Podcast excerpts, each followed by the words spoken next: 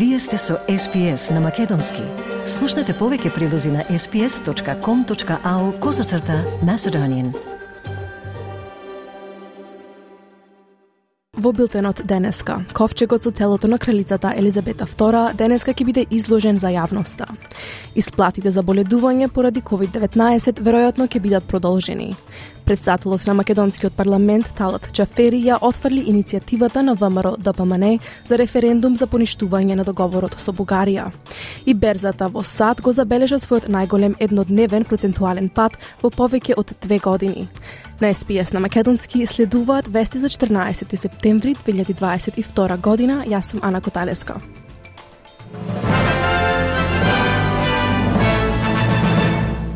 Илјадници членови на публиката се очекува да ја оддадат почит на кралицата Елизабета II, која од денеска ќе биде во Вестминистерската опатија.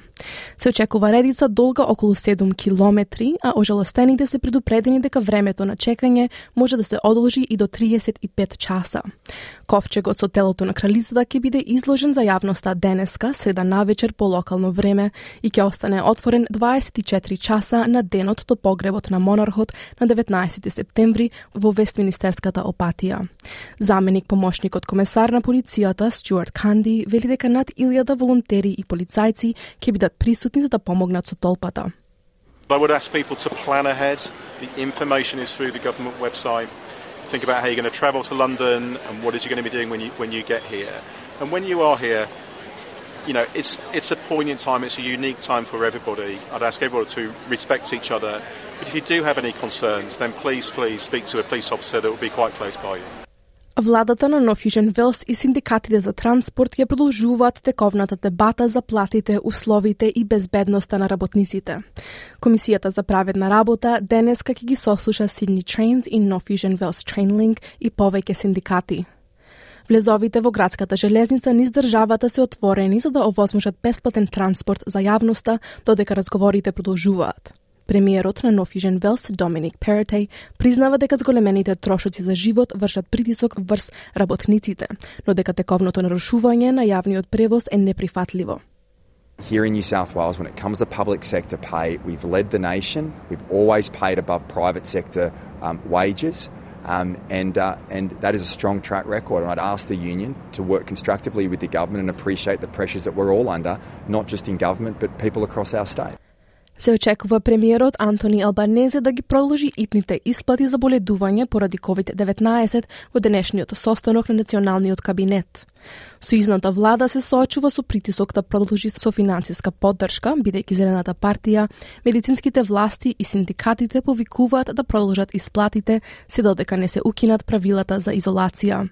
Програмата беше изменета предходно овој месец, при што они од кои се бара да се изолираат само 5 дена, сега имаат право на исплата до 540 долари, а оние на работни места со висок ризик се уште имаат пристап до 750 долари.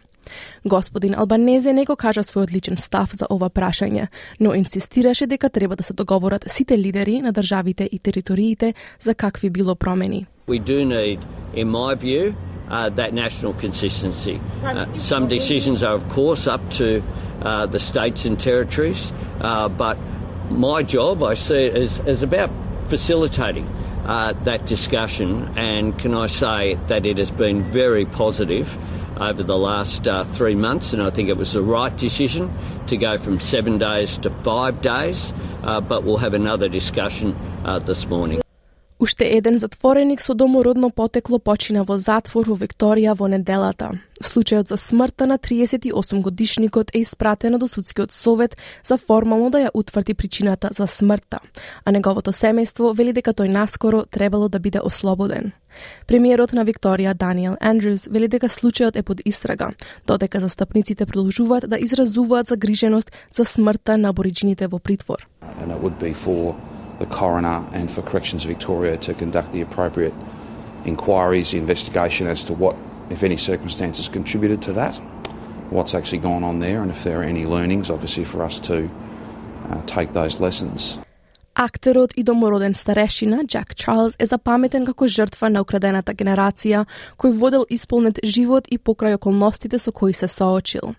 Тој почина на 79 годишна возраст во Мелбурн и беше познат како дедо на домородниот театар, како и по неговите филмски и телевизиски улоги. Актерот познат како Чичко Чарлз се појави пред комисијата за правда на Викторија Јорук за да го сподели своето искуство кога бил одземен од неговата мајка како 4 месечно бебе. Министерката за домородните австралици Линда Берни вели дека Чичко Джак Чарлз бил жртва на политиките на украдените генерации и ги запознал своите родители подоцна во животот. Таа вели дека неговото наследство е важно за нацијата. And that's a legacy that's important for truth telling in this country. And of course, he was a great storyteller, a great truth teller, and um, uh, that legacy is so important to us as a nation. Плаза во централната деловна област во Сиднеј ќе биде преименувана во чест на кралицата Елизабета II, објави премиерот на државата Доминик Перетеј заедно со сојузниот премиер Антони Албанезе.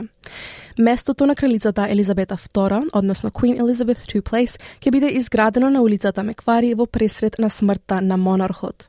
Господин Албанезе вели дека тоа е соодветна комеморација на кралицата Елизабета и на незината служба. I think regardless of where people stand on other issues, Queen Elizabeth II is someone who's admired, someone who's respected for a life of service to the United Kingdom, to the Commonwealth, and to the world and the naming of this place in her honour is an appropriate and fitting tribute. Председателот на Македонското собрание Талат Чафери ја отфрли иницијативата на ВМРО ДПМН за референдум за поништување на договорот со Бугарија. Во одговорот до председателот на ВМРО да ДПМН Христијан Мицкоски, Джафери пишува дека иницијативата за референдум не е во согласност со уставот, во кој е утврдено дека меѓународните договори што се ратификувани се дел од внатрешниот правен поредок и не може да се менуваат со закон. Дафина Стојановска, член на извршниот комитет на ВМРО да ДПМН и пратеник во собранието на пресконференција, тврди дека Талат Чафери противправно си ја доделил улогата на уставен судија прават правни гимнастики за да избегнат народ и неговиот став за договорот. Бегаат од соочување со народ затоа што се свесни за две работи. Првата, знаат дека ќе има излезност, втората, знаат дека народот е против договорот кој е извор на асимилацијата која СДС и Ковачевски ја спроведуваат. СДСМ ја поддржува одлуката на председателот на собранието да ја одбие иницијативата на ВМРО ДПМН за распишување референдум поради тоа што, како што велат од партијата, е неуставна. Договорот може да го раскине само тој што го подпишал, во случајот владата, а таа да ја извести другата страна, рече на прес координаторот на предничката група на СДСМ Јован Митрески. Според Соединетите држави, украинската војска зема замав во Донбас додека врши притисок врз руските сили во повлекување. Русија објави дека за време на последните неколку денови земјата ги повлече војниците од областите во североисточниот регион Харкив, но се уште не е јасно дали овој напредок од страна на Украина ќе значи и промена на насоката на војната.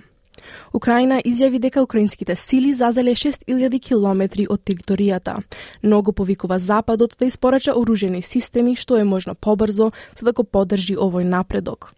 Портпаролот на Советот за национална безбедност Џон Кирби вели дека САД се уште обезбедува суштинска војна поддршка за Украина. Many of the systems that we've been providing in just the last few weeks and a couple of months have proven instrumental and effective uh, in the Ukrainians' ability to, to go on the offense uh, and to be actually quite effective on the defense uh, in the last uh, several days and, and, weeks. To include, of course, those advanced rocket systems that were uh, that we've talked about so much. They're using they're using them with great effect. Берзата во САД го забележа својот најголем еднодневен процентуален пад во повеќе од две години, што предизвика дополнителни стравувања за можна рецесија. Тоа следи по извештај дека стапката на инфлација се намалила на 8,5% во јули на 8,3 во август, но цените на храната, домувањето и здравствената нега продолжуваат да растат. Инвеститорите веруваат дека федералните резерви сега ќе ја подигнат каматната стапка за 75 базични поени, трет пат поред како одговор на стапката на инфлација. Шефот за управување со портфолија во Horizons Investments, Захари Хил, вели дека економистите се надевале на поголемо намалување на стапката на инфлација, но воспротивно инфлацијата сега навлегува во повеќе делови од економијата. We knew that gas prices have been coming down, and so that was going to help at the headline level. But I think what really spooked markets today was one, the fact that we've been rallying for the last week or so. And so we were clearly setting up for a, a better number. And two, you know, it's clear from kind of core inflation uh, readings and some internals that we look at that uh, we still have a broadening inflation problem that's seeping into more parts uh, of the economy. Обединетите нации соопштија дека извозот на храна од Украина се зголемил по договорот во јули со кој беше спречена руската блокада на украинските пристаништа на Црното море. Тие велат дека падот на глобалните цени се должи на зголемениот извоз на храна. Шефот за трговија на Обединетите нации Ребека Гринспен, која го води тимот кој се обидува да го олесни глобалниот пристап до руската храна и ѓубрива, вели дека цените на храната во август се намалија на меѓународно ниво петти месец поред. Но таа вели дека ова намалување не се забележува на домашните пазари, а земјите во развој се уште се соочуваат со високи цени на храната, како и со инфлацијата, девалвација на валутата и зголемување на каматните стапки. Координаторот на Обединетите нации за Црноморската иницијатива за жито, Амир Абдала, вели дека тие внимателно ја следат ситуацијата. With the prices dropping, um, uh, an interesting phenomenon we've seen in, in one or two countries is that because of that drop, people who had been hoarding grain and hoping to sell it at a high price are actually now selling it, which is putting more uh, on the market. And hopefully that, Rebecca, will bring some of those local prices down too.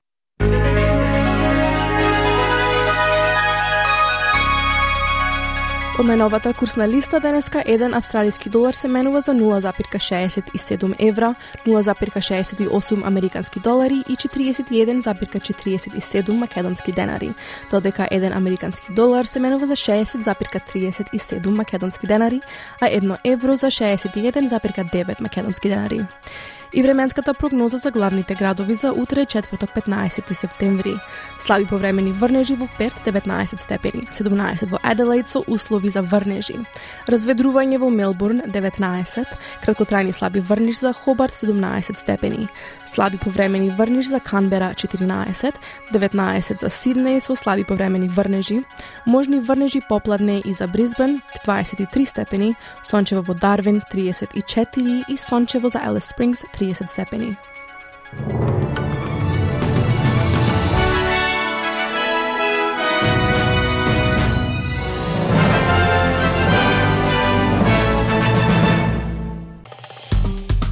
Стиснете, ми се допаѓа, споделете, коментирајте. Следете ја SPS на Македонски на Facebook.